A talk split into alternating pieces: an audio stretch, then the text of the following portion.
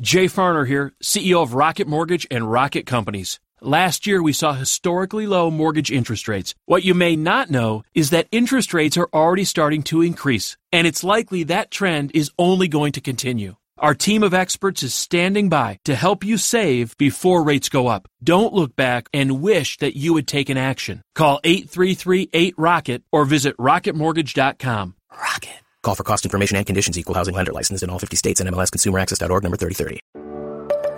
This is what matters most, and I'm Matt Popovits. Look, life is crazier than ever, and lots of people, maybe even you, are feeling anxious and overwhelmed. Today's message is designed to help you figure out what's most important and to experience the peace and joy that God intends for you. Because life is a gift, and it shouldn't be wasted on worry. I'd like to give you a resource, something to help you navigate the road ahead. Just go to mattpopovits.com, click on the icon, and we'll send it to you. That's Matt, P-O-P-O-V-I-T-S dot com. And hey, if you happen to live in the Houston area, I'd love to see you on a Sunday morning at St. Mark in Spring Branch. Head to stmarkhouston.org to plan your visit. Here's today's message. Thanks for listening. So this morning uh, we are are finishing up this little micro teaching series that we've been doing called Regarding Repentance, uh, where we've been learning that um, really what sits at the heart of the Christian faith um, is one thing: turning away from sin and brokenness and towards the forgiveness and the love and the mercy of Jesus Christ. Uh, we've been learning that this is not simply something that happens once at the moment of salvation, where God draws us out of sin and death and connects us to the forgiveness of Jesus Christ, but that even once we are in relationship and connection with Jesus, it's something that happens over and over and over again. The basics of the Christian faith are this there's a lot to be learned about following Jesus, but if you had to boil it down to its essence, it comes down to this we're broken, we're sinful, we're lost. Jesus forgives us. He loves us. He saves us. He is righteous and pure and holy. He bridges the gap between our brokenness and His beauty. So then, the whole of Christian life is about turning away from our brokenness towards Jesus Christ away from our brokenness towards the forgiveness and love and the mercy that's found in Him. Uh, that's why, hundreds and hundreds of years ago, someone named Martin Luther changed the world by saying, Look, the whole of the Christian life comes down to this repentance. It's about on a daily basis rejecting who you no longer are and resting in and relying upon what's been done for you in Jesus Christ. That's it. Today, I want us to talk about the, the how and the habit of repentance. What does this look like when it actually gets lived out in the life of a follower of Jesus Christ? And I say that knowing that trying to outline um, a how and a habit of repentance is a difficult thing to do and define. It's like trying to define what it means to love someone Anyone who outlines with great clarity the precise steps and the specific actions you should take in order to love someone is probably getting it wrong. Because there's a thousand ways to love someone correctly. And in a somewhat similar way, there's no one right way to live out the habit of repentance. There are certain universals Certain universals, certain things that, that kind of always have to be a part of the equation. But repentance, the act of turning from your brokenness and then resting in and relying on and laying hold of the forgiveness of Jesus Christ, can happen in a million different ways. We can't touch on all of those. What we can touch on are certain universals that we must be aware of in order for this habit of repentance to become an essential in our everyday life. So here's the first thing I want to pass on to you. Uh, part of the, the how and the habit of repentance is this repentance happens when, first and foremost, we are living in close proximity to Jesus Christ. Repentance will happen as we are living in close proximity to Jesus Christ. Here's what I mean by that. Um, you can be in Christ, baptized into his family, a member of the kingdom and the reign and the rule of God forgiven of all your sins. You can be connected and in Christ, yet not at the same time walking close to Jesus. Does that make sense? In the same way that you can be in marriage, but not close in marriage. You know, marriage is about closeness in every capacity. So closeness leads to affection, which leads to positive change. And so over the course of your 60 years together as a married couple, you end up better on the end of it than you were at the start of it. Because you've walked closely, you've grown in affection, you've rooted out anything in yourself that ruins the connection you share with this other person. And our life with Jesus works the same way. I mean, Jesus is the one who created marriage. Marriage is meant to be a reflection of our relationship ultimately with Him. We are to be in Christ, but walking in close proximity to Him. And as we walk in close proximity to Him, our affection grows for who He is and what He's done and how much He loves us. And then, as that affection grows for who He is and what He's done and how much He loves us, we become aware of stuff in us that might push him away. We become aware of, of things in our life that might ruin the connection that we have and we cherish with him who has saved us. And repentance is the act of recognizing and then rooting out the things that could create space between you and your Savior. That's what repentance is. So the question then becomes well, well, how do I walk closely with Christ so that there is as little space between me and He as possible? A couple of things. Um, we walk closely with Christ through His Word. What we believe is that, is that Christ is living in the truth of the Word here, and that as it's spoken to us, as it's taught to us, as it's proclaimed to us, as it's studied by us, Christ is the one speaking to us, working in us, changing us, challenging us. So to be close to His Word is to be close to Him. We also believe we walk in close proximity with Christ when we walk in close proximity to His people. I mean, the scriptures tell us that, that Christ has a body. He is, he is seated at the right hand of God the Father right now in the heavenly realms, but he has a body here on earth, and you all are it. So, if we want to walk in close proximity to Christ, we have to walk in close proximity to his bride, the church. You have to. You can't say, Well, I'm close to Jesus, but you're not at all connected to his earthly people, because Jesus tells you not to do that. In order to walk close with Christ, we walk close with his people. And through his people, he speaks to us. Through his people, he cares for us. Through his people, he corrects us and points out stuff in us.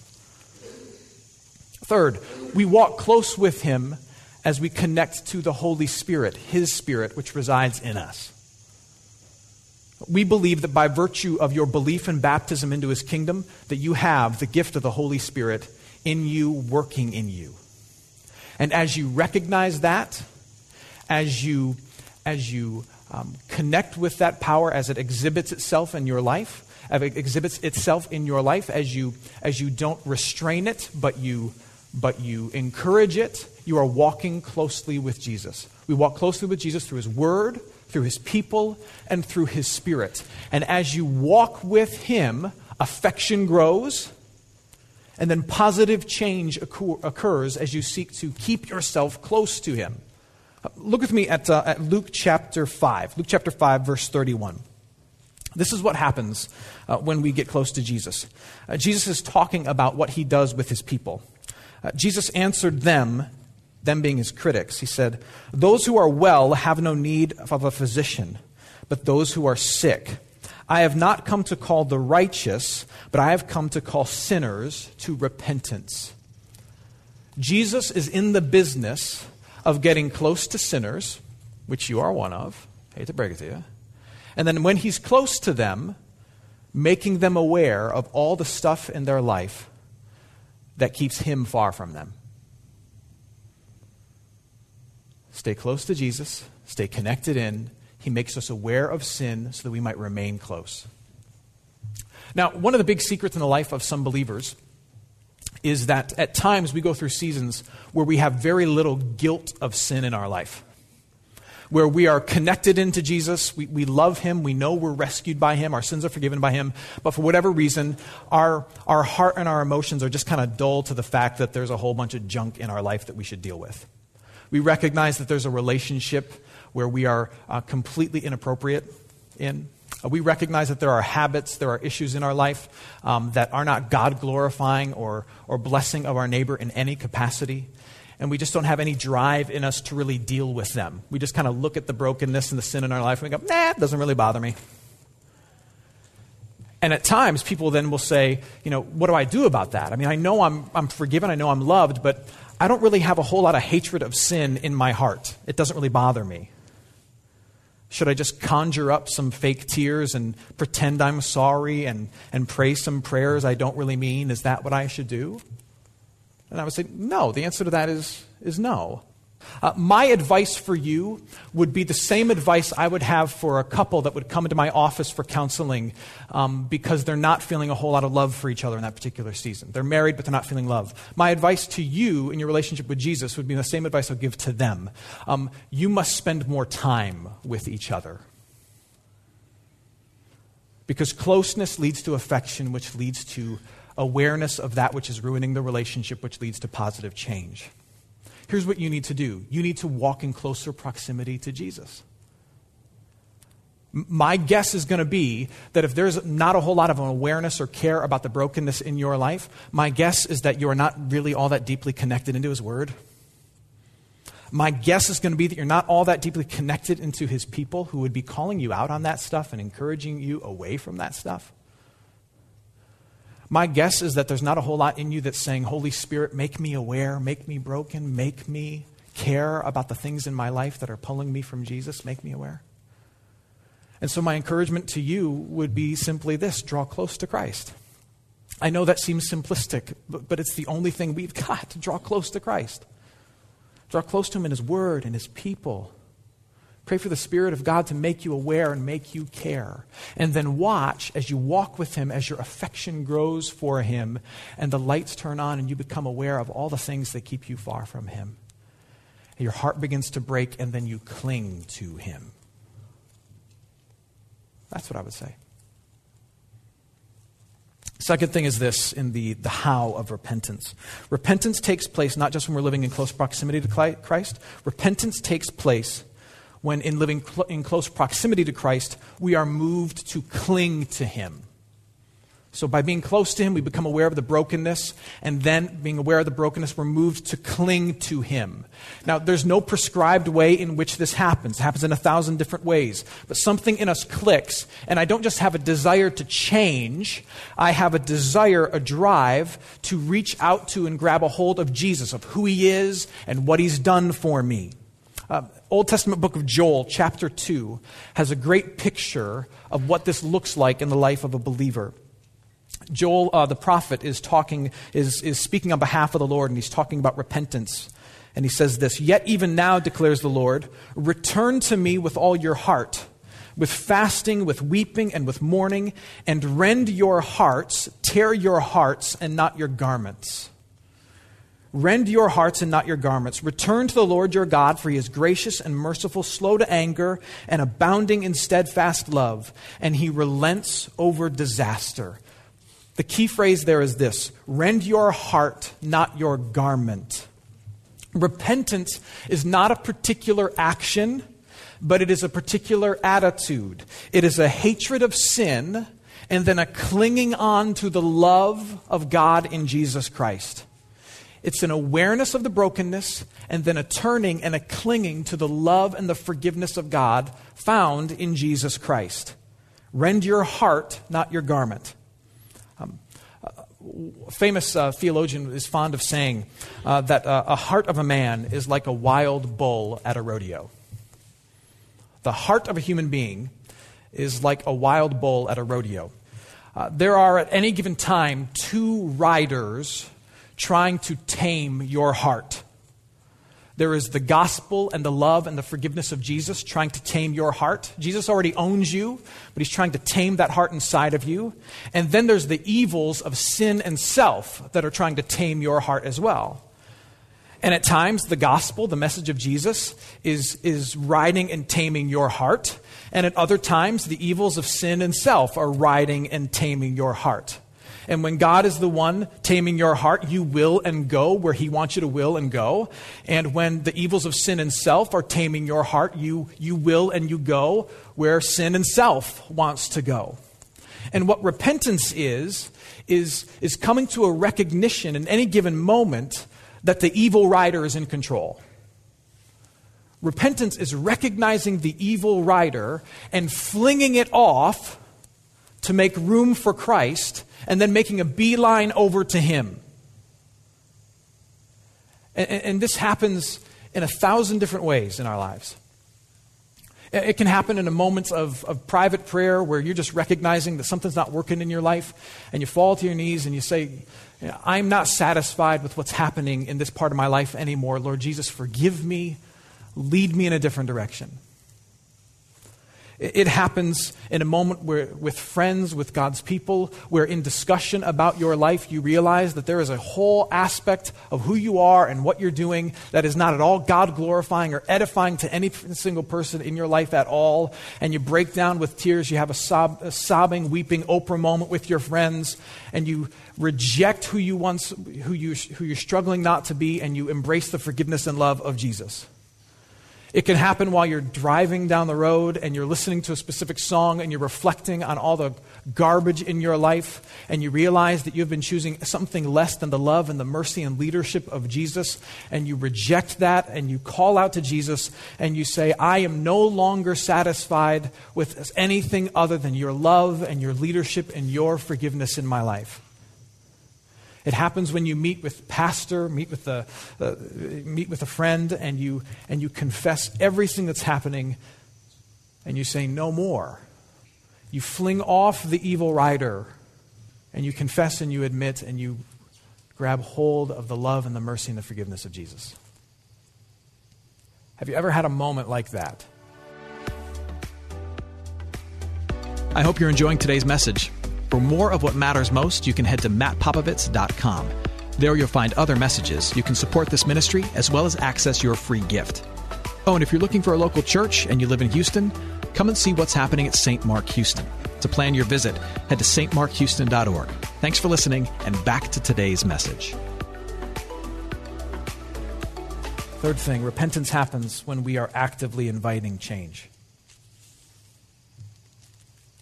I don't know if you, you know this. Um, there's a difference between salvation and sanctification. Salvation is when you are brought into God's family and you are forgiven of your sins and you're brought to life in Jesus. Salvation is passive, it happens to you through no effort of your own. Sanctification is the process then after being saved where we are made holy. And while salvation is passive, sanctification is active. Uh, salvation happens to you, sanctification happens with you. And, and you can choose to bow out of the process of sanctification. You can be a, a forgiven, loved member of God's family, and you can just be satisfied with being unchanged. And God will let you stay the same. You can avoid reflection in your life. You can avoid repentance in your life. You can avoid growth and change and clinging to Christ in your life. In fact, you know, I would argue that that's the biggest thing the devil wants to accomplish in our lives. I mean, if Satan can't drag you to hell, he will distract you all the way to heaven. So that you make as little of an impact as possible and you become as least like Christ as possible. But we can be a people who are actively inviting growth and change and sanctification in our lives by inviting in an attitude of reflection in our life that leads to repentance.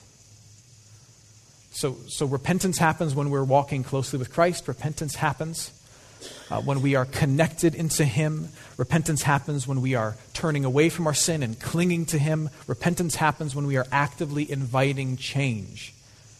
And the way in which you can invite change and sanctification is through uh, an attitude and a culture in your life of reflection, looking at yourself, asking for change, and letting that lead you to a place of repentance. Uh, I, I want to close by just giving you an example of this. Um, I've been greatly influenced by other pastors and leaders uh, in my life, and I want to share with you um, some prayers that I frequently run through in my own life on a daily basis to invite reflection and then ultimately repentance into my everyday life. Just kind of show you how this is kind of done. Again, recognizing that this happens in a thousand different ways. But this is me trying to walk closely with Christ. This is me trying to turn and cling to Him. This is me inviting change into my life. Uh, one of the prayers that I constantly do is a prayer that looks at four things a prayer that seeks to pursue humility, love, courage, and a Christ like heart. Humility, love, courage, and a Christ like heart. So let me, let me, show you an example of this. Uh, I will, in the middle of my day or at the end of my day, ask this question Have I been pursuing humility instead of pride? Have I been pursuing humility instead of pride? And I will ask myself this question Have I looked down on others in order to lift myself up? Have I let the criticism of others or the rejection of others have too much influence on the joy of my soul?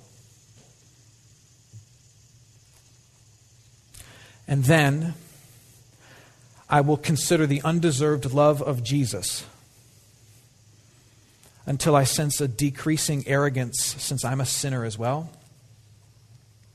Until the pain of criticism goes down, knowing that I'm loved by the Creator. And until I sense myself letting go of the need to maintain a certain image because it's so unnecessary in light of being loved by Jesus. I'll ask myself Have I pursued love over apathy? And then I will consider the undeserved love and forgiveness of Jesus until I sense a little less coldness in myself, until I sense less impatience with me and less indifference in me. And I consider the infinite patience and attentiveness of Jesus to me until it stirs up something similar. I will ask myself Have I pursued courage over anxiety? Have I avoided people or tasks or decisions that are difficult, but I know I need to face them? Have I borrowed worry and invited worry into my life without any really good reason? And then I will consider the undeserved love of Jesus Christ. I will focus on that until I sense a little less cowardice in the face of hard things, since Jesus faced evil for me. Until I sense less anxiety, since Jesus' death proves that he cares for me. And I will focus on the love of Jesus until I admit that it takes a lot of pride to be worried because I am not wise enough to know how my life should go. And I will consider and focus the cross until I feel a sense of calm and boldness. And lastly, I ask myself, what have I been motivated by? Am I doing what I'm doing for God's glory and for the blessing of others? Or am I driven by fears? Today, was I driven by a love of comfort? Was I driven by a hunger for power or a need for control? Did I give in to my heart of lust and greed? And then I will focus on and consider the undeserved love of Jesus and ask myself, what have I been looking for in all those things? And then I'll pray something like this Lord Jesus, thank you for your love. Thank you for forgiving me. Make me satisfied in that love and in that forgiveness and driven by it alone. And then, if it's in the evening, I will say amen and go to sleep with a clear conscience. If it's in the middle of the day, I will rise out of my chair or off my knees and I will say, Amen. Let me now live different invite reflection that leads to repentance. Walk closely with Jesus so that your affection grows and change occurs. Love always leads to action. And the same is true with repentance. It is not so much how we turn from our sin and cling to Jesus, but that we turn from our sin and cling to Jesus every moment, every chance that we get.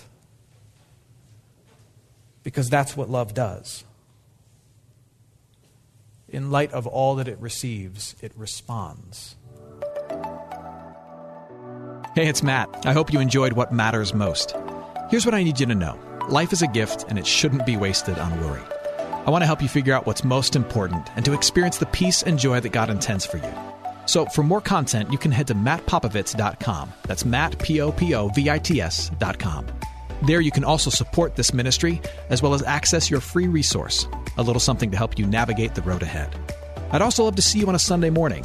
If you're in the Houston area, head to stmarkhouston.org to plan your visit. In the meantime, hit me up on Instagram at mpopovits or at facebook.com slash Matt Popovits Ministries. Thanks for listening. Now go and hold tight to what matters most.